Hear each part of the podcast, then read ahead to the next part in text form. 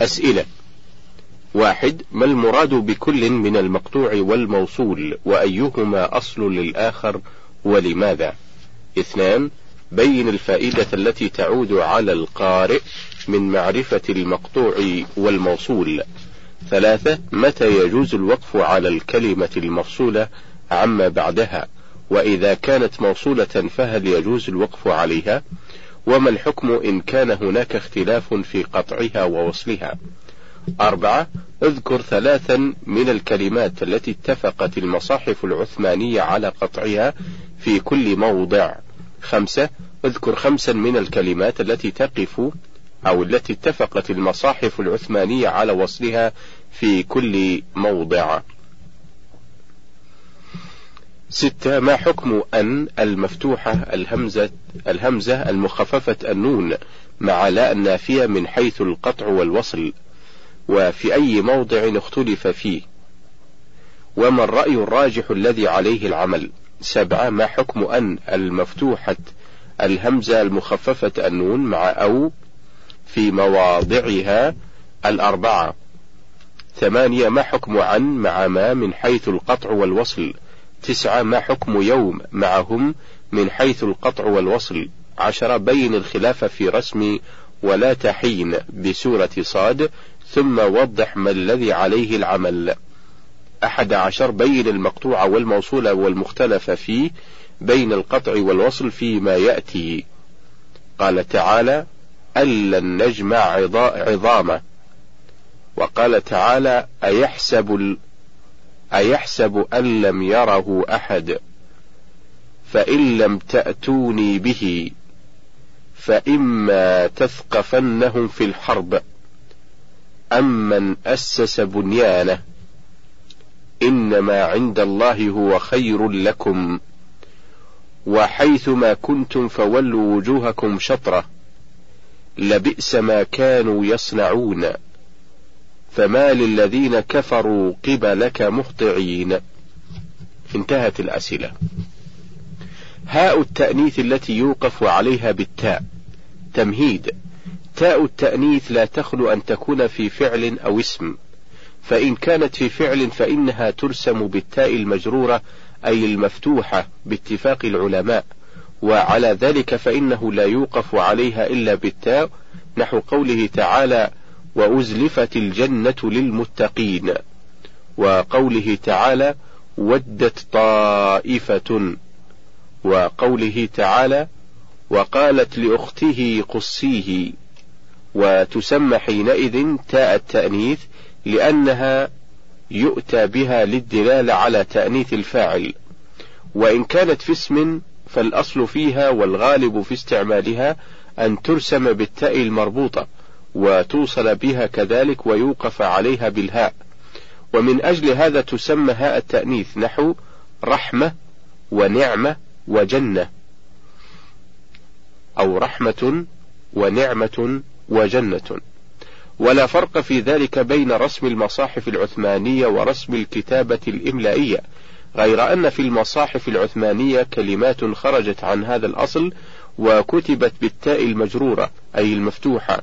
فيوقف عليها بالتاء عند ضيق نفس أو مقام تعليم أو اختبار تبعا لرسمها في المصحف تاء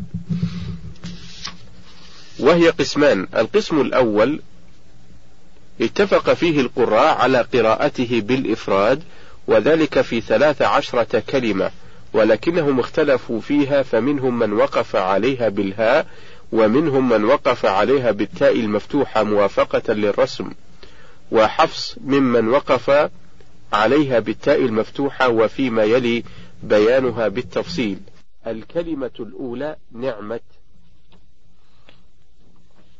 وقد رسمت بالتاء المفتوحة في أحد عشر موضعا اتفاقا وهي واحد واذكروا نعمة الله عليكم وما أنزل عليكم في سورة البقرة. وقال تعالى واذكروا نعمة الله عليكم إذ كنتم أعداء في سورة آل عمران.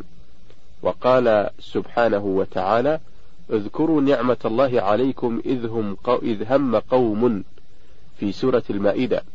وقال ألم تر إلى الذين بدلوا نعمة الله كفرا؟ وقال وإن تعدوا نعمة الله لا تحصوها. وكلتا الآيتين في سورة إبراهيم. وقال تعالى وبنعمة الله هم يكفرون. وقال تعالى يعرفون نعمة الله ثم ينكرونها. وقال واشكروا نعمة الله. وهذه الآية الثلاث في سورة النحل.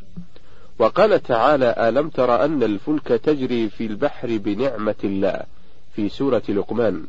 وقال في سورة فاطر يا أيها الناس اذكروا نعمة الله عليكم. وقال في سورة الطور فذكر فما أنت بنعمة ربك بكاهن ولا مجنون.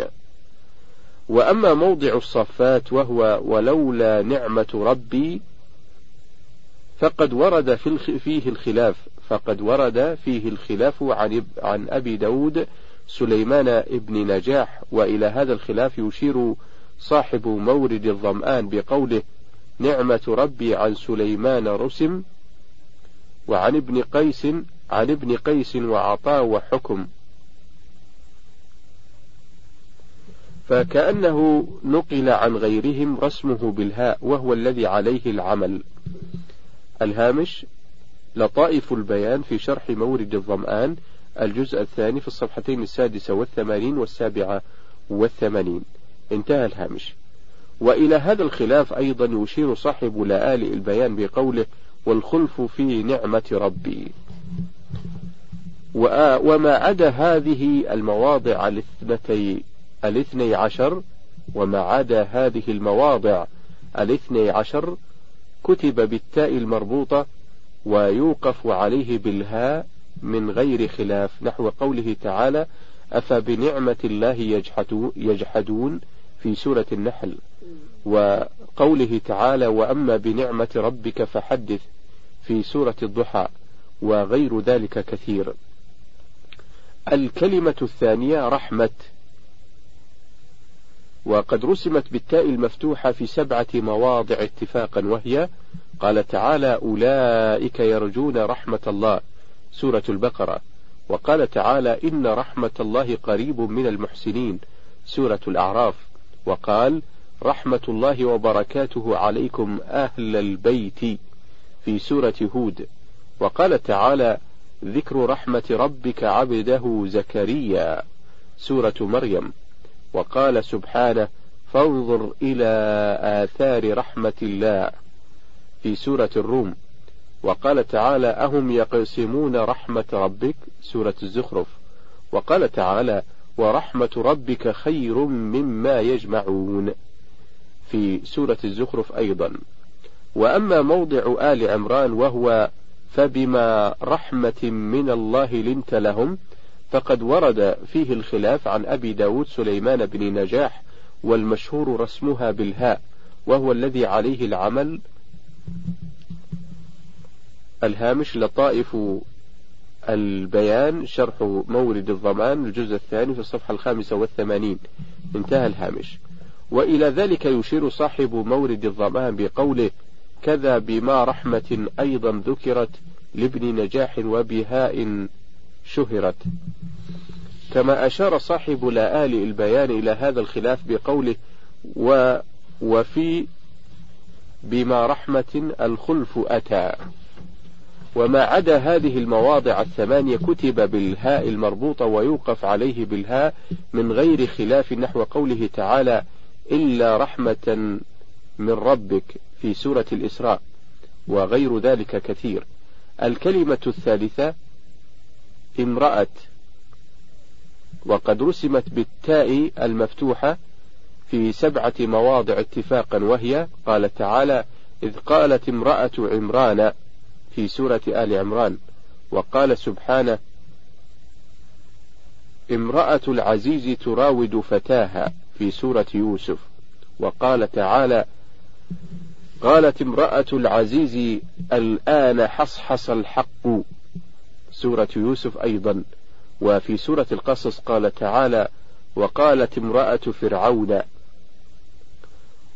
وفي سورة التحريم قال تعالى امرأة نوح وامرأة لوط وامرأة فرعون.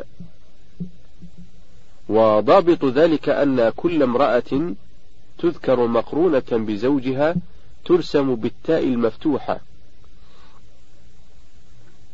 كما في هذه المواضع السبعة وليس غيرها في القرآن وما عدا هذه المواضع كتب كتب بالتاء المربوطة ويوقف عليه بالهاء من غير خلاف.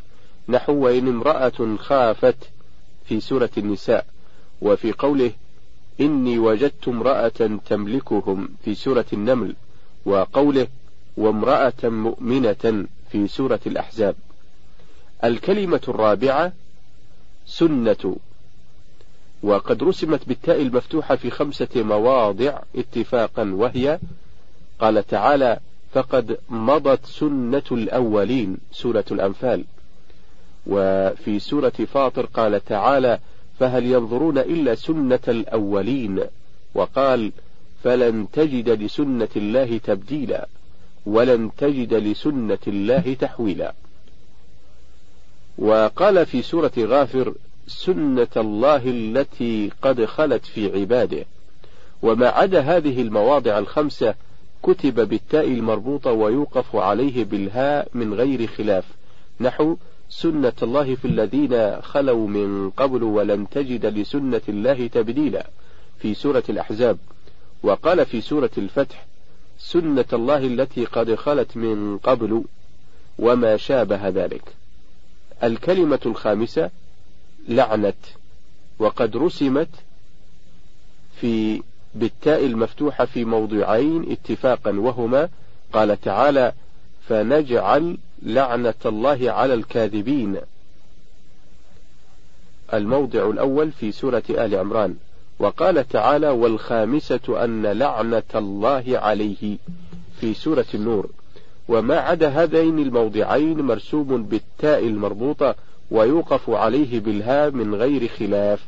نحو أولئك عليهم لعنة الله في سورة البقرة.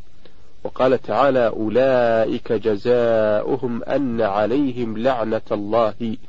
الموضع الثاني في سورة آل عمران. وقال سبحانه وإن عليك اللعنة إلى يوم الدين في سورة الحجر وغير ذلك من المواضع. الكلمة السادسة معصية.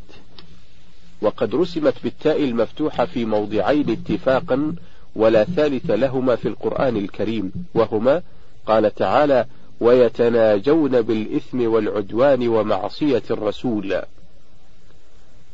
وقال تعالى فلا تتناجوا بالإثم والعدوان ومعصية الرسول. وكلتا الآيتين في سورة المجادلة. الكلمة السابعة كلمة. وقد جاء فيها الخلاف في موضع الأعراف المتفق على قراءته بالإفراد في قوله تعالى وتمت كلمة ربك الحسنى وقد أشار صاحب مورد الظمآن إلى هذا الخلاف بقوله وفي الأعراف كلمة جاءت على خلاف وفي الأعراف كلمة جاءت على خلاف فرجح التنزيل فيها الهاء ومقنع حكاهما سواء.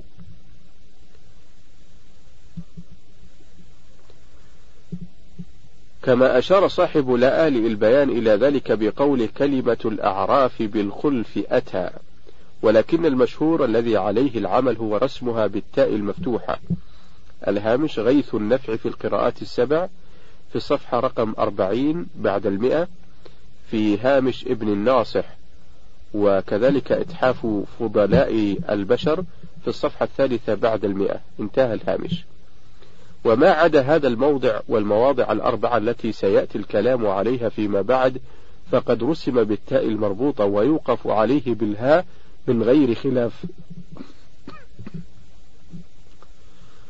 نحو قوله تعالى وجعل كلمة الذين كفروا السفلى وكلمة الله هي العليا في سورة التوبة. الكلمة الثامنة بقية. وقد رسمت بالتاء المفتوحة اتفاقا في موضع واحد هو قوله تعالى بقية الله خير لكم في سورة هود. وما عدا هذا الموضع كتب بالتاء المربوطة ويوقف عليه بالهاء من غير خلاف نحو بقية مما ترك آل موسى. في سورة البقرة وقال تعالى أولو بقية ينهون عن الفساد في الأرض في سورة هود. الكلمة التاسعة قرت وقد رسمت بالتاء المفتوحة اتفاقا في موضع واحد هو قوله تعالى قرة عين لي ولك في سورة القصص وما عداه مرسوم بالتاء المربوطة ويوقف عليه بالهاء من غير خلاف. نحو ربنا هب لنا من أزواجنا وذرياتنا قرة أعين في سورة الفرقان. وقال تعالى فلا تعلم نفس ما أخفي لهم من قرة أعين. سورة السجدة الكلمة العاشرة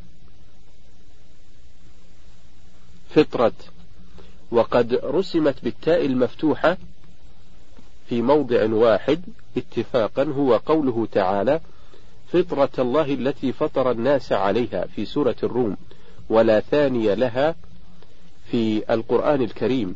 الكلمة الحادية عشرة شجرة وقد رسمت بالتاء المفتوحة اتفاقا في موضع واحد هو قوله تعالى إن شجرة الزقوم طعام الأثيم. في سورة الدخان وما عداه مرسوم بالتاء المربوطة ويوقف عليه بالهاء من غير خلاف. نحو قوله تعالى هل أدلك على شجرة الخلد? في سورة طه. وقال تعالى وشجرة تخرج من طور سيناء. في سورة المؤمنون. الكلمة الثانية عشرة جنة. وقد رسمت بالتاء المفتوح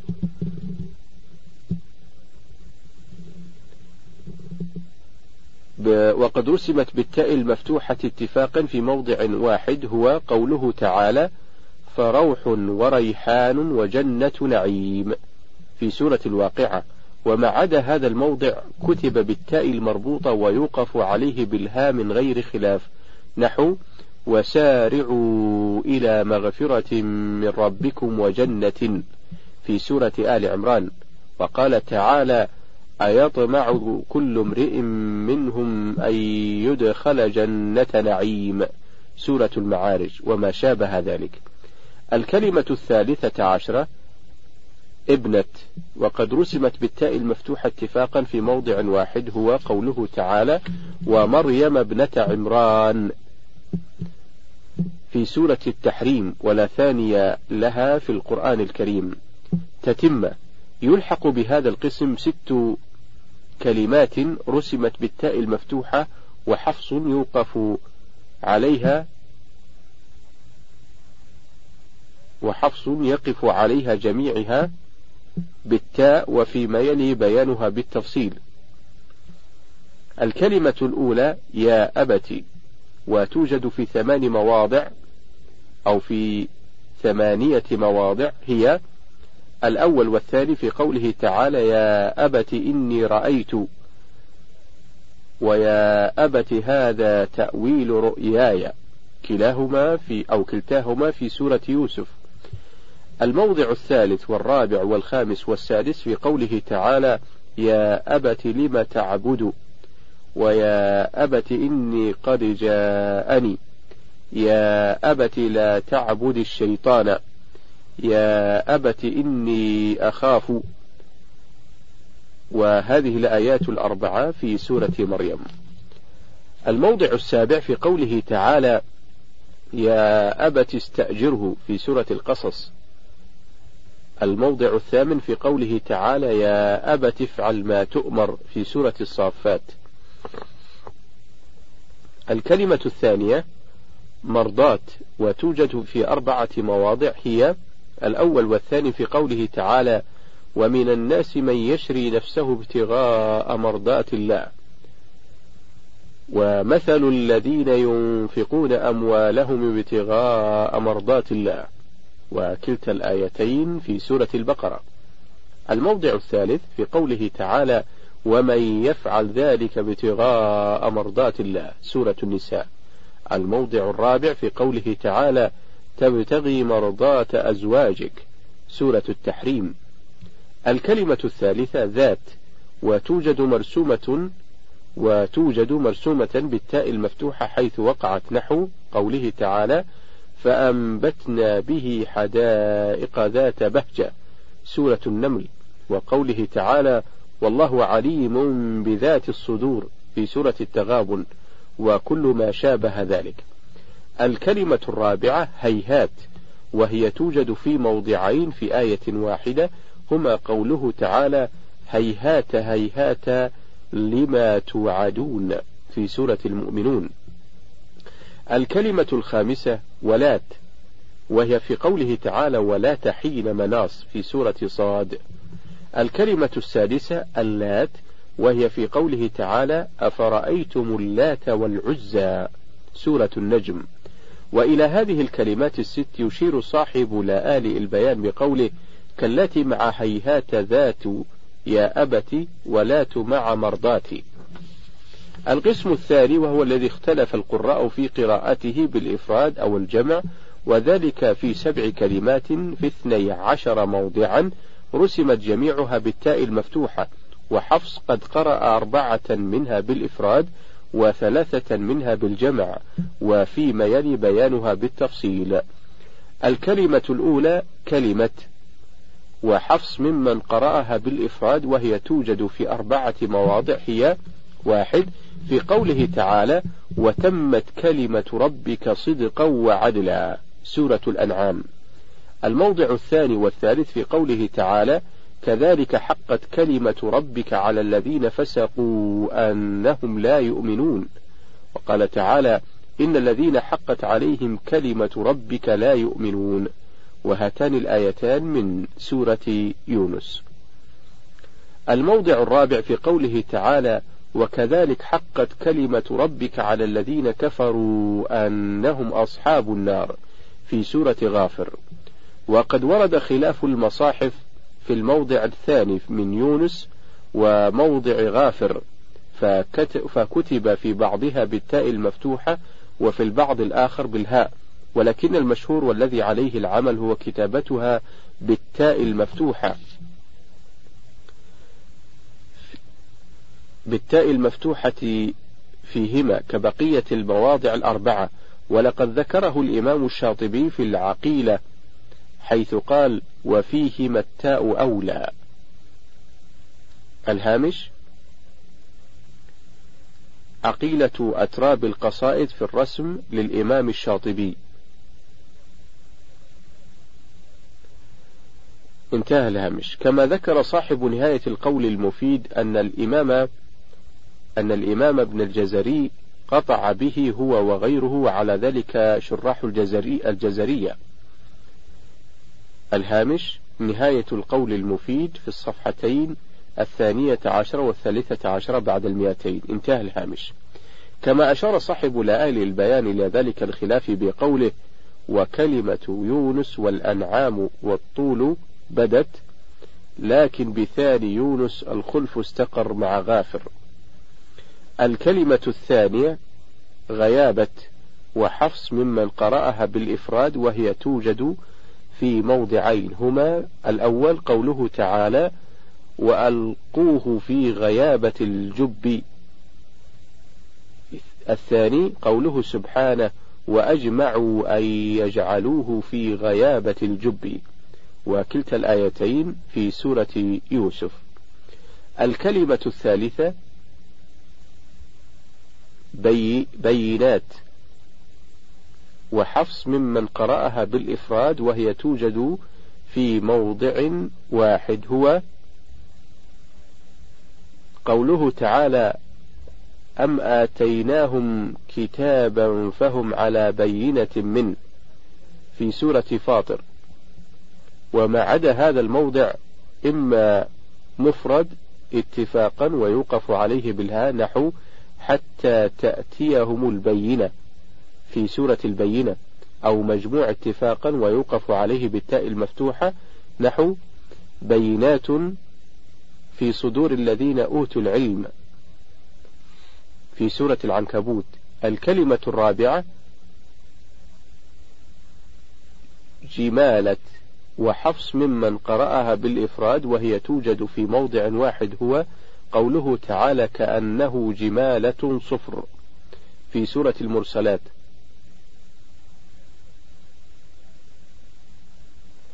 الكلمة الخامسة آيات. وحفص ممن قرأها بالجمع وهي توجد في موضعين هما. واحد قوله تعالى لقد كان في يوسف وإخوته آيات للسائلين سورة يوسف. وفي قوله تعالى وقالوا لولا أنزل عليه آيات من ربه سورة العنكبوت الموضع الأول. وما عدا هذين الموضعين إما مفرد اتفاقا ويوقف عليه بالها نحو إن آية ملكه في سورة البقرة أو مجموع اتفاقا ويوقف عليه بالتاء المفتوحة نحو قل إنما الآيات عند الله. الموضع الثاني في سورة العنكبوت. الكلمة السادسة غرفات وحفص ممن قرأها بالجمع وهي توجد في موضع واحد. في قوله تعالى وهم في الغرفات آمنون في سورة سبأ. الكلمة السابعة ثمرات وحفص ممن قرأها بالجمع وهي توجد في موضع واحد. في سورة فصلت قوله تعالى وما تخرج من ثمرات من أكمامها وما عدا هذا الموضع إما مفرد اتفاقا ويوقف عليه بالها نحو كلما رزقوا منها من ثمرة رزقا في سورة البقرة أو مجموع اتفاقا ويوقف عليه بالتاء المفتوحة نحو ومن ثمرات النخيل في سورة النحل. حكم الوقف على الكلمات السبع. الكلمات السبع المختلف بين القراء في إفرادها وجمعها يوقف عليها لحفص بالتاء المفتوحة اتفاقا إلا لفظ كلمة في الموضع الثاني في سورة يونس وموضع غافر.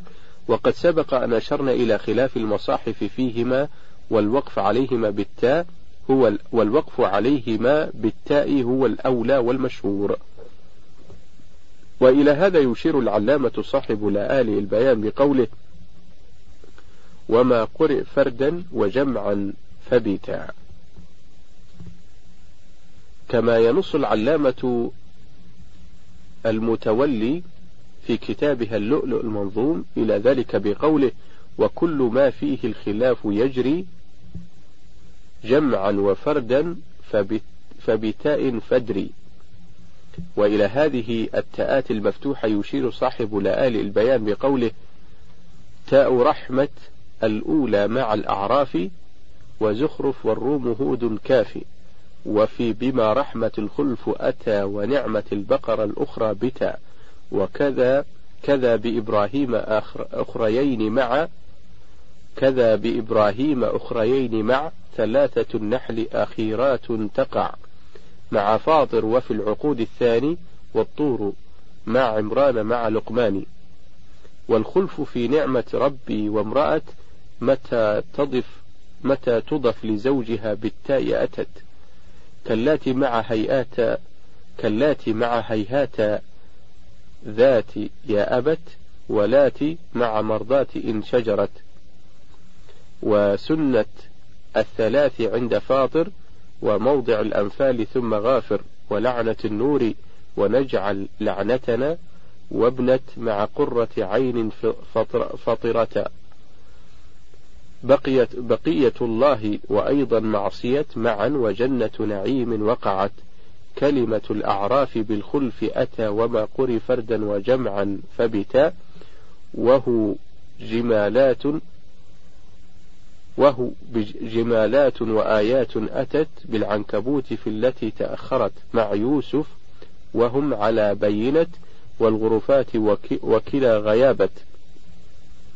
وثمرات فصلت وكلمة يونس والأنعام والطول بدت لكن بثاني يونس الخلف استقر مع غافر فبي فسبعة فاثنى عشر.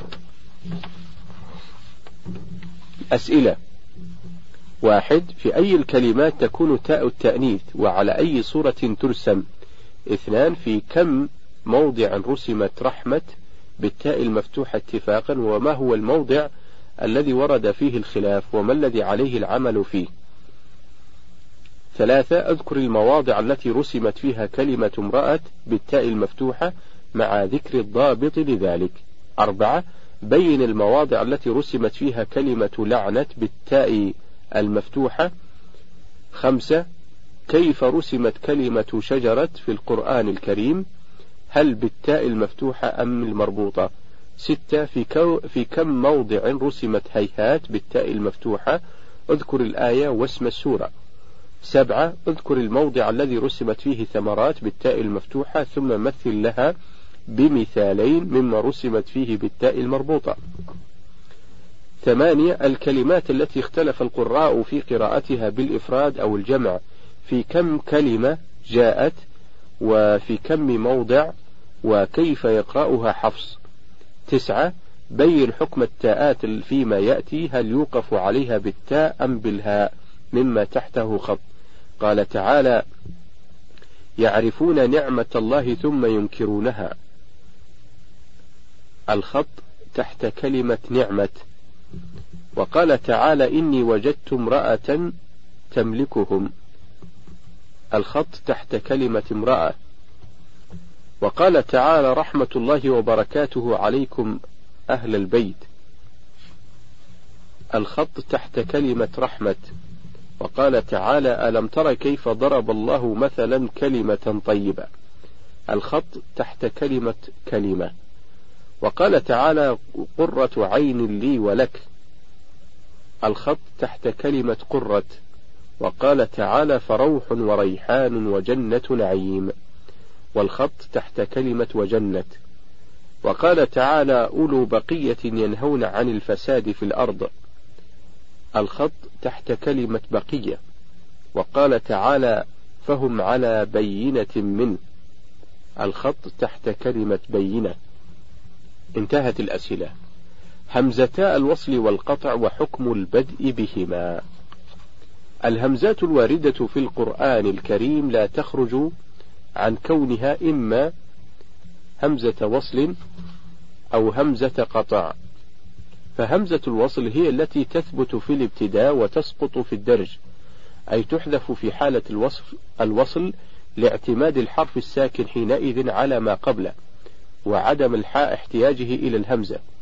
وسميت همزة الوصل لأنها يتوصل بها إلى النطق بالحرف الساكن الواقع في ابتداء الكلمة إذ النطق به حينئذ متعذر والأصل في الابتداء أن يكون بالحركة وتكون الهمزة وتكون همزة الوصل في الأفعال والأسماء والحروف كما لا تكون إلا متحركة في أول الكلمة المبتدأ بها. همزة الوصل في الأفعال. همزة الوصل في الأفعال لا توجد إلا في الفعل الماضي وفعل الأمر. ففي الماضي تكون في الخماسي منك وكذا السداسي. أمثلة الخماسي نحو اصطفى من قوله تعالى إن الله اصطفى آدم ونوحا في سورة آل عمران. ونحو ابتلى من قوله تعالى هنالك ابتلي المؤمنون في سورة الأحزاب. أمثلة السداسي نحو استسقى من قوله تعالى وإذ استسقى موسى لقومه في سورة البقرة ونحو استحفظوا من قوله تعالى والربانيون والأحبار بما استحفظوا من كتاب الله في سورة المائدة وفي الأمر تكون في صيغة أمر الثلاثي والخماسي والسداسي. أمثلة الثلاثي نحو ادعو من قوله تعالى ادع إلى سبيل ربك بالحكمة والموعظة الحسنة في سورة النحل. ونحو اضرب من قوله تعالى فقل نضرب بعصاك الحجر في سورة البقرة. ونحو اذهب من قوله تعالى اذهب بكتاب هذا فألقه إليهم في سورة النمل. أمثلة الخماسي نحو انتظروا من قوله تعالى انتظروا إنا منتظرون في سورة الأنعام ونحو انطلقوا من قوله تعالى انطلقوا إلى ما كنتم به تكذبون في سورة المرسلات. أمثلة السداسي نحو استغفروا من قوله تعالى فقلت استغفروا ربكم إنه كان غفارا سورة نوح. ونحو استأجره من قوله تعالى يا أبت استأجره في سورة القصص. حكمها حكم همزة الوصل في الابتداء بالأفعال المتقدمة قد تكون بالضم أو الكسر. فتكون بالضم إذا كان ثالث الفعل مضموما ضما لازما نحو ادعو أو أن يكون خماسيا أو سداسيا مبنيا للمجهول مثل ابتلي استحفظوا وإلى ذلك يشير الإمام ابن الجزري بقوله وابدأ بهمز الوصل من فعل بضم إن كان ثالث من الفعل يضم. وقد خرج بالضم اللازم ما إذا كان وقد خرج بالضم اللازم ما إذا كان ثالث الفعل مضموما ضما عارضا فيجب فيه حينئذ البدء بالكسر نظرا لأصله. نحو اقضوا من قوله من قوله تعالى ثم اقضوا إلي ولا تنظرون في سورة يونس. وامضوا من قوله تعالى وامضوا حيث تؤمرون سورة الحجر. وابنوا من قوله تعالى فقالوا ابنوا عليهم بنيانا سورة الكهف. وأتوا من قوله تعالى ثم أتوا صفا في سورة طه. وامشوا من قوله تعالى أن امشوا واصبروا على آلهتكم في سورة صاد. فإن الأصل في ذلك كله أقضيوا وأمضيوا وأبنيوا وأتيوا وأمشيوا بكسر عين الفعل علما بأنه لا يجوز الابتداء في وامضوا بغير الواو.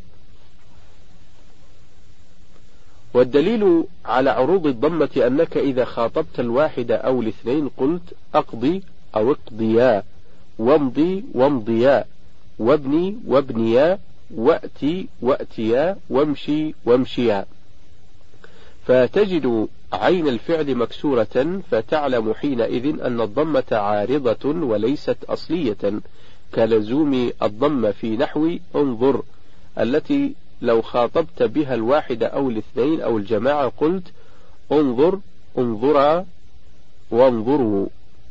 فتجد أن الضم الثالث لا يزول. وتكون بالكسر إذا كان ثالث الفعل مفتوحا. نحو اذهب أو مكسورا. نحو أضرب أو مضموما. ضما عارضا. نحو اقضوا. تنبيهات واحد. إن قال قد كسرت همزة الوصل في الفعل إذا كان ثالثه مكسورا وضمت إذا كان ثالثه مضموما. فلما لم تفتح إذا كان ثالثه مفتوحا بل كسرت. والجواب أنها لو فتحت لالتبس الأمر بالمضارع ومن أجل هذا كسرت. الهامش من كتاب نهاية القول المفيد في علم التجويد في الصفحة الثانية والثمانين بعد المئة. انتهى الهامش. اثنان همزة الوصل في الأفعال لا تكون إلا في الماضي والأمر كما مر. أما المضارع فلا توجد فيه مطلقا لأن همزته همزة قطع. ثلاثة سبق أن ذكرنا أن الماضي يأتي منه الخماسي والسداسي فقط.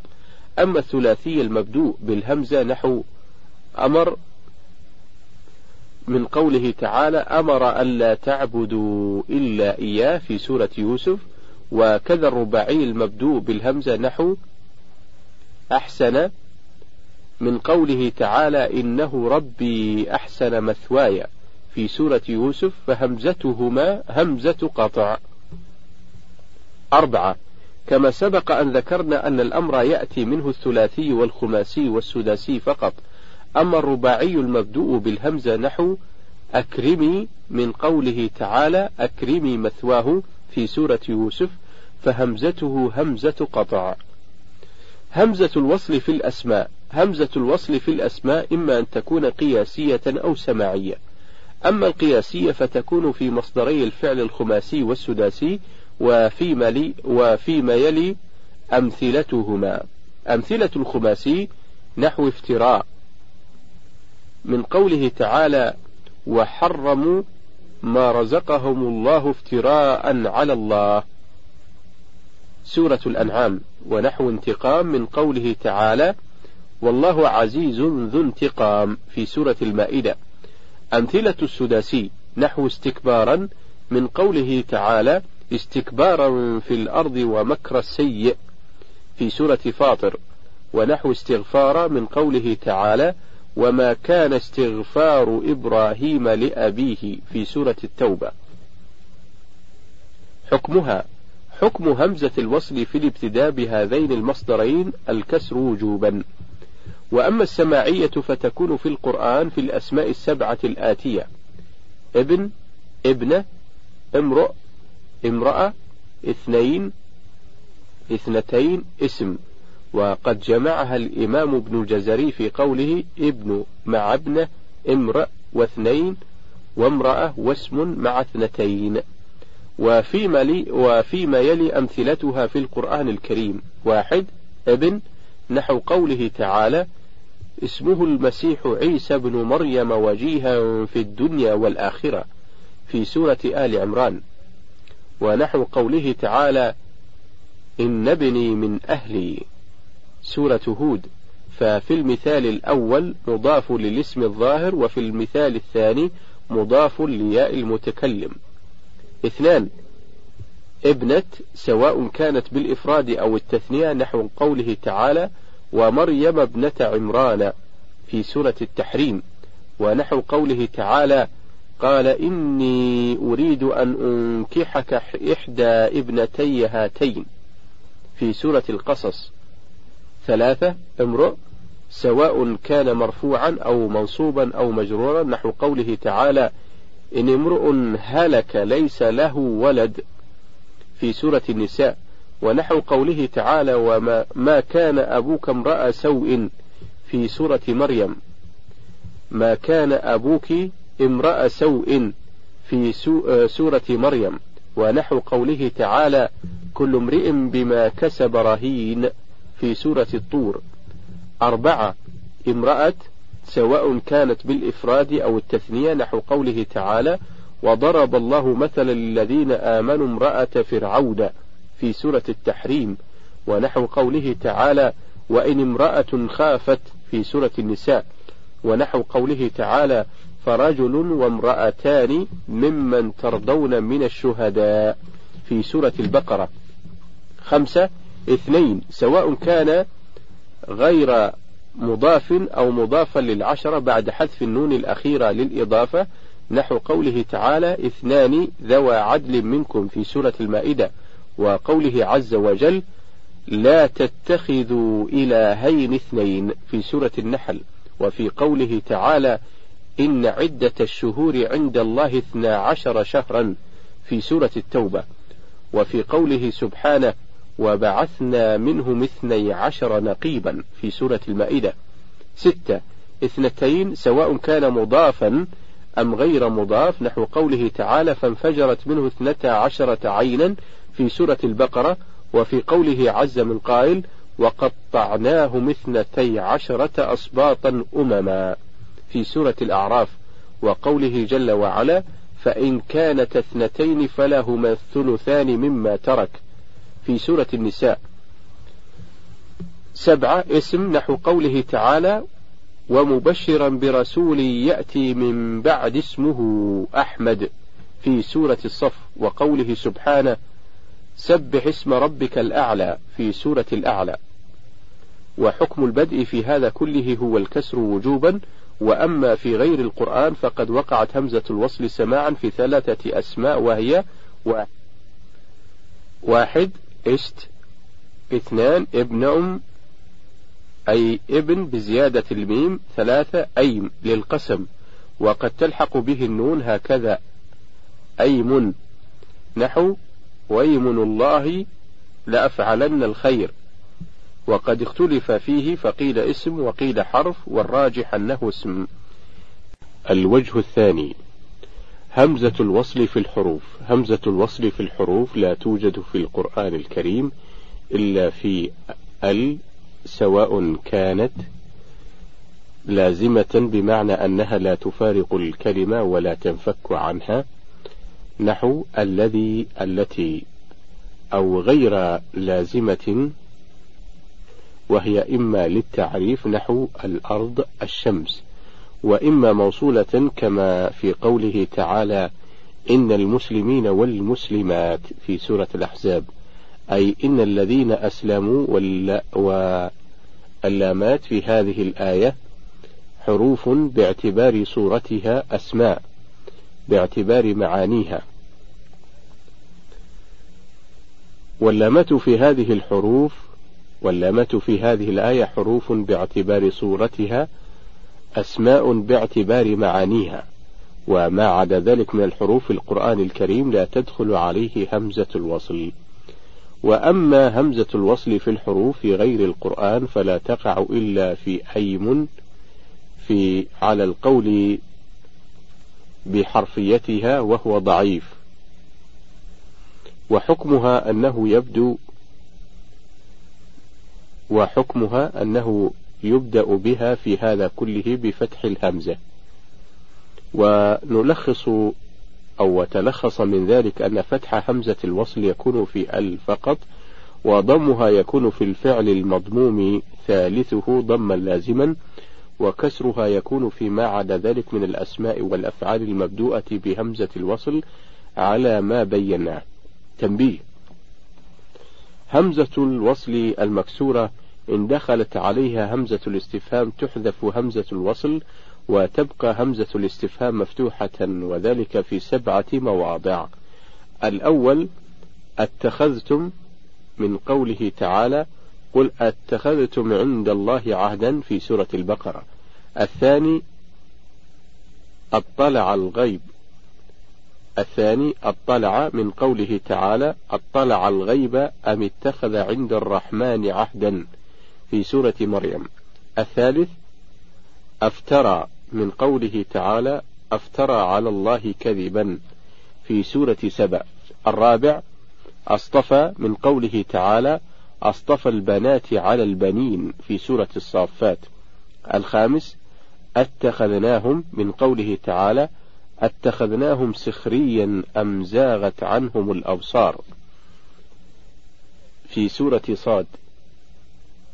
السادس أستكبرت من قوله تعالى أستكبرت أم كنت من العالين؟ في سورة صاد. السابع أستغفرت من قوله تعالى سواء عليهم أستغفرت لهم أم لم تستغفر لهم. في سورة المنافقون. ولا يوجد لحفص غيرها في القرآن الكريم إذ أصلها أأتخذتم؟ أأطلع؟ أأفترى أأصطفى أأستكبرت؟ أأستغفرت؟ فحذفت همزة الوصل لوقوعها. فحذفت همزة الوصل لوقوعها بعد همزة الاستفهام تخفيفا. وهذا كله إذا لم تكن بعد همزة الاستفهام لام تعريف حكم همزة الوصل إذا إذا وقعت بين همزة الاستفهام ولام التعريف. أما إذا وقعت همزة الوصل بين همزة الاستفهام ولام التعريف فلم آه، تحذف لئلا يلتبس الاستفهام بالخبر بل تبدل ألفا وتمد مدا مشبعا لالتقاء الساكنين وهو الوجه القوي المفضل. أو تسهل بين الهمزة والألف من غير مد والوجهان صحيحان مأخوذ بهما. الهامش من كتاب نهاية القول المفيد في الصفحة الثالثة والثمانين بعد المئة بتصرف. انتهى الهامش.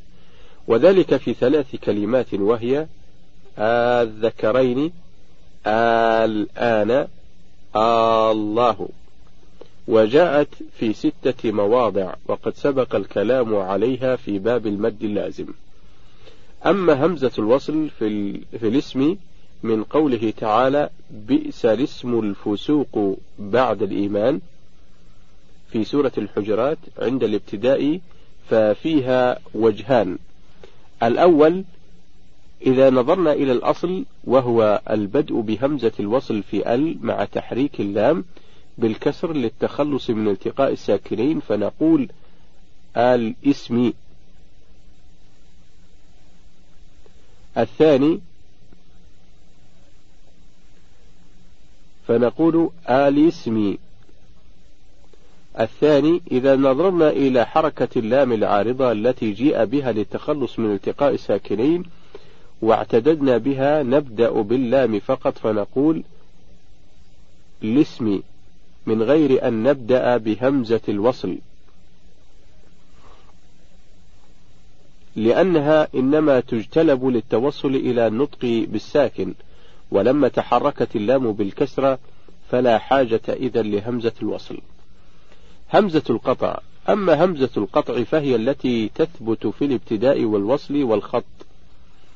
وسميت همزة القطع لأنها تقطع بعض الحروف عن بعضها لأنها تقطع بعض الحروف عن بعض عند النطق بها وتكون في أول الكلمة سواء كانت مفتوحة مثل أعطيناك أو مكسورة مثل إن أو مضمومة مثل أوتوا ولا تأتي ساكنة إذ لا يبتدأ بساكن كما تقدم.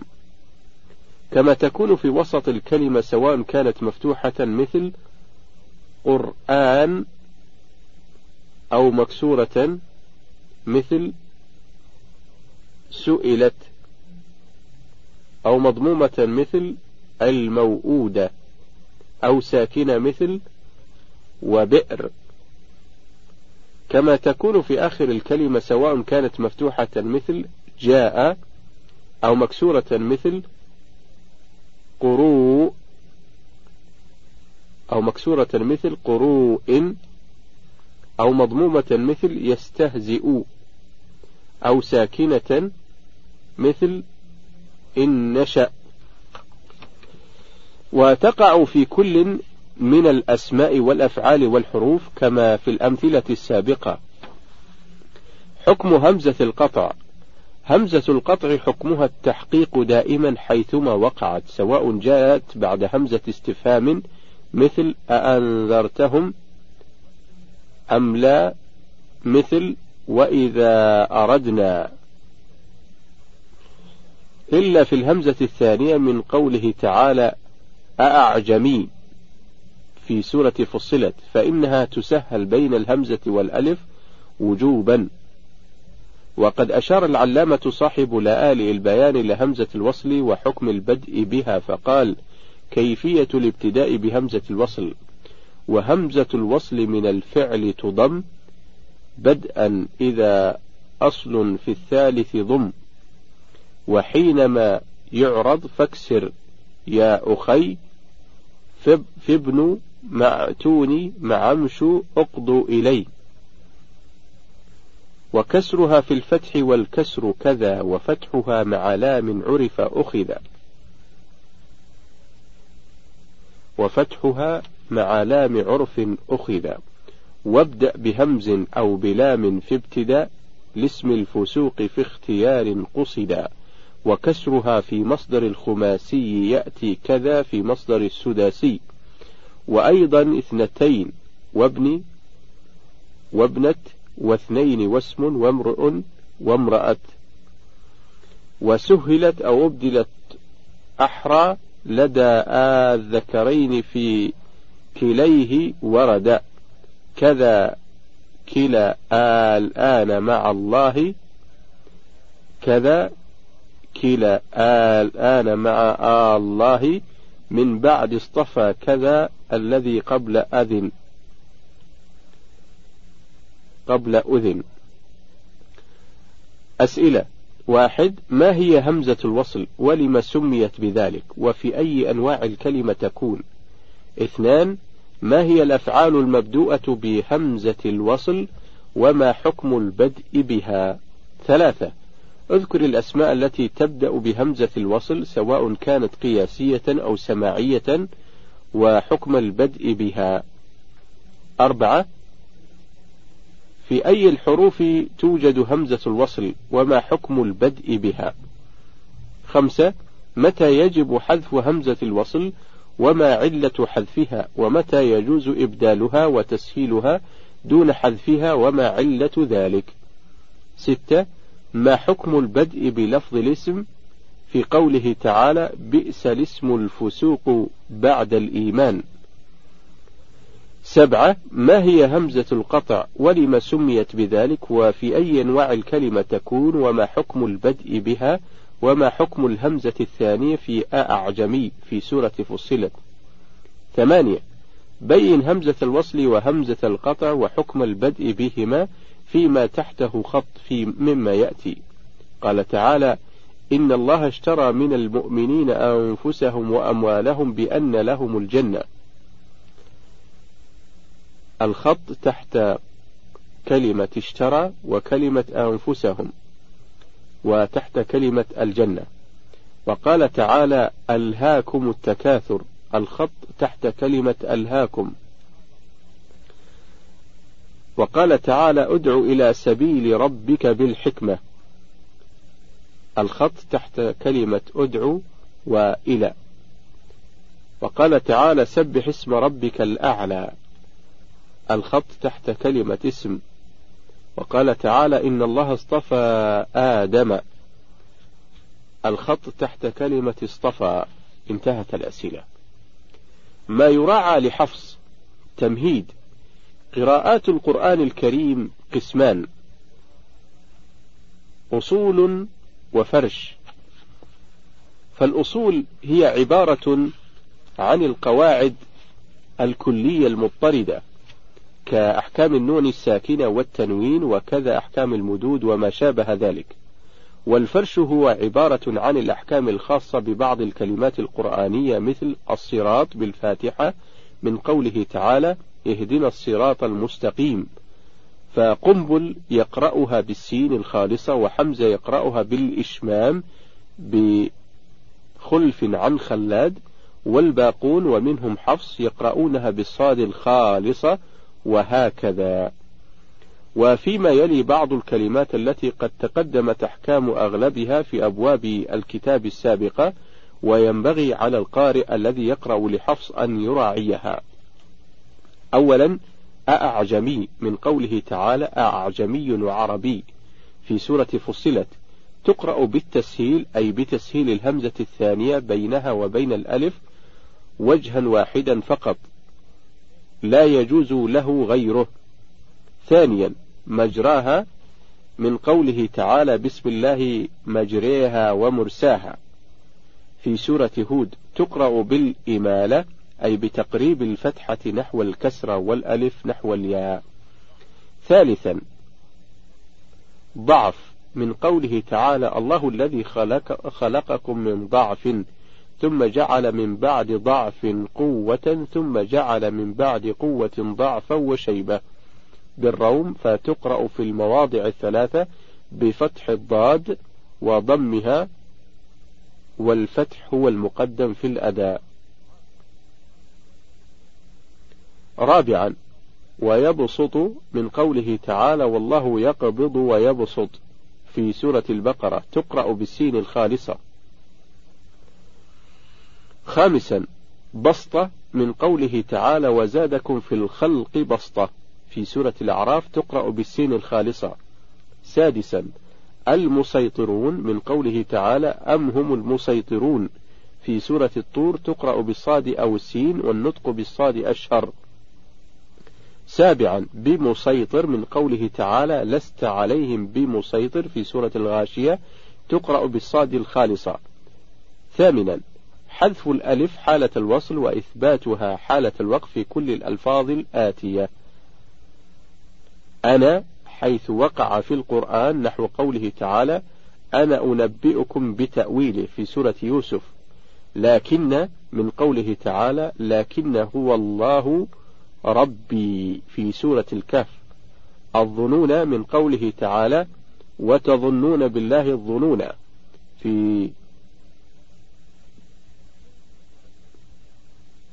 والكلمة وكلمة الرسول من قوله تعالى وأطعنا الرسول والسبيل من قوله تعالى فأضلون السبيل. وهذه الآيات الثلاث في سورة الأحزاب. وقوارير بالموضع الأول من قوله تعالى وأكواب كانت قوارير في سورة الدهر. هذه الألفاظ كلها تقرأ بإثبات الألف وقفا وحذفها وصلا تبعا للرسم وأما قوارير في الموضع الثاني من قوله تعالى قوارير من فضة فمحذوفة الألف وصلا ووقفا. تاسعا سلاسل في سورة الإنسان في قوله تعالى إنا أعتدنا للكافرين سلاسل تقرأ وصلا بفتح اللام من غير تنوين وفي الوقف تقرأ إما بالألف أو بإسكان اللام والوجهان صحيحان مقروء بهما. عاشرا. قراءة الكلمات الآتية بالنون وصلا وبالألف وقفا وهي ولا, يكو ولا يكونن وكلمة لنسفعا وكلمة وإذا. أما ولا يكونن فمن قوله ولا يكونن من الصاغرين. فمن قوله ولا يكونن من الصاغرين في سورة يوسف. وأما لنسفعا فمن قوله تعالى كلا لئن لم ينتهي لنسفعا بالناصية في سورة العلق.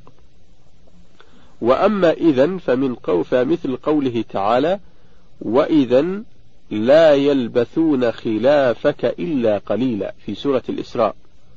الحادي عشر. آتاني من قوله تعالى فما آتاني الله خير مما آتاكم. في سورة النمل. تقرأ بفتح الياء وصلا وأما في الوقف ففيها وجهان إثبات الياء وحذفها. الثاني عشر الاسم من قوله تعالى بئس الاسم الفسوق بعد الإيمان في سورة الحجرات. إذا ابتدأنا بها لنا فيها وجهان أحدهما البدء بهمزة مفتوحة فلام مكسورة فسين ساكنة والآخر حذف همزة الوصل والبدء بلام مكسورة فسين ساكنة. الثالث عشر قراءة الكلمات الآتية بالمد الطويل ست حركات أو التسهيل بين بين وهي الذكرين موضعي سورة الأنعام الآن في موضعي سورة يونس الله في سورة يونس والنمل ووجه الإبدال مع المد الطويل أولى وأرجح. الرابع عشر حرف عين في كل من كاف ها يا عين صاد. في أول سورة مريم وحاميم عين سين قاف. في أول سورة الشورى يجوز فيها التوسط أربع حركات والمد الطويل ست حركات وهو الأفضل. الخامس عشر تأمن من قوله تعالى ما لك لا تأمن في سورة يوسف.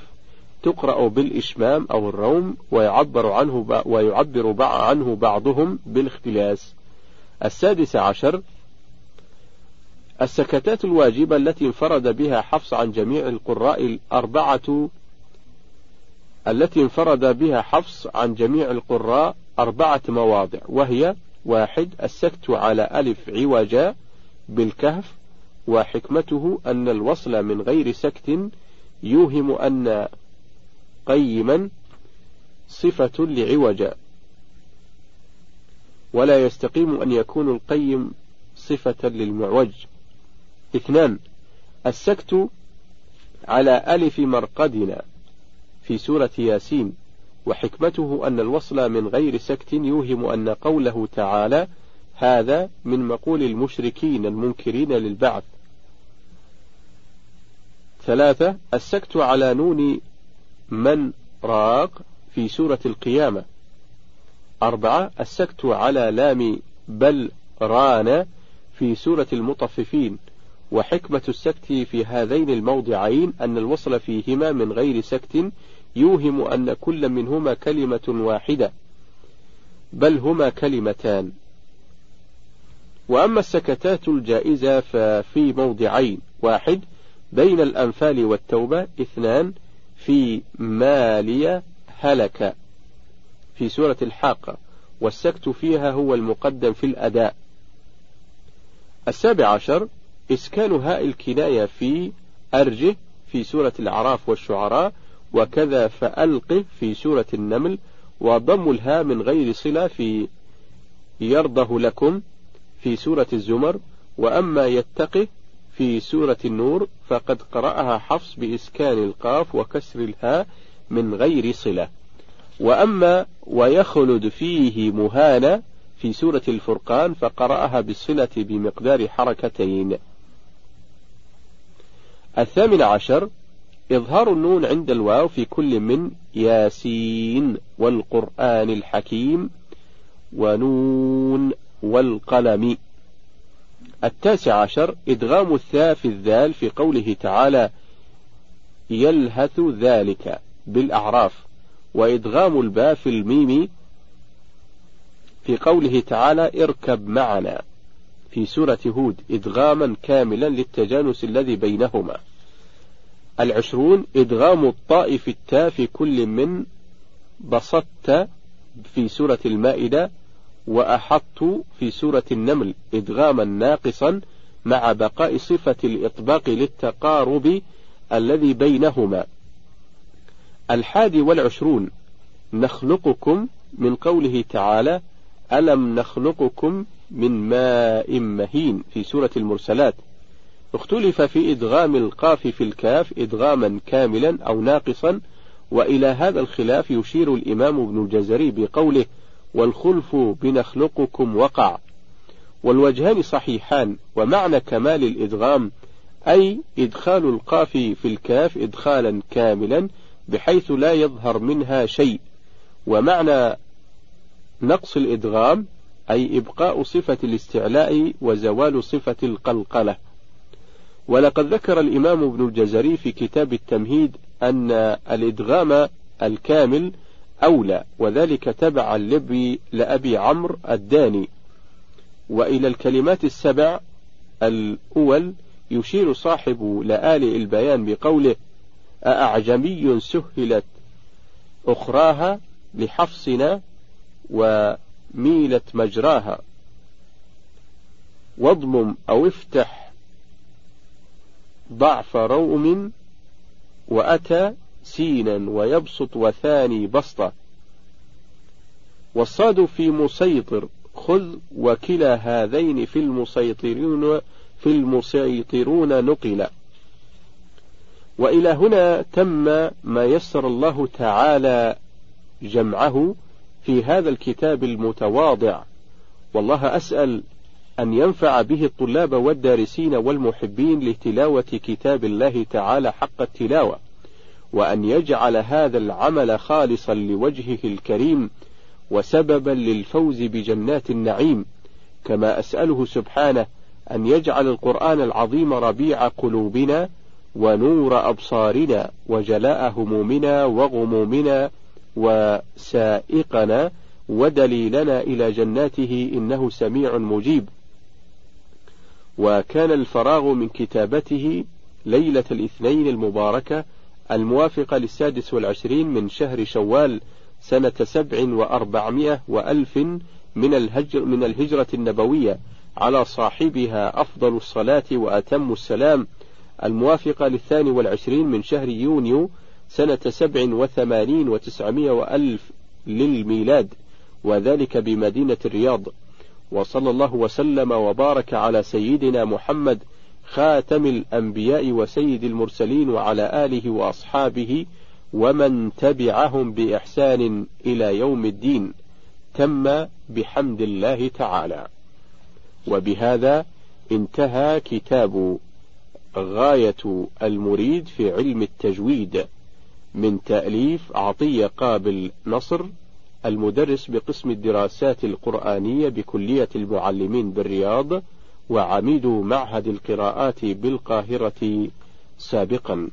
وتم الانتهاء من تسجيل هذا الكتاب يوم السبت ليلة الأحد السادس من شهر ذي القعدة. من عام عشرين وأربعمائة وألف للهجرة.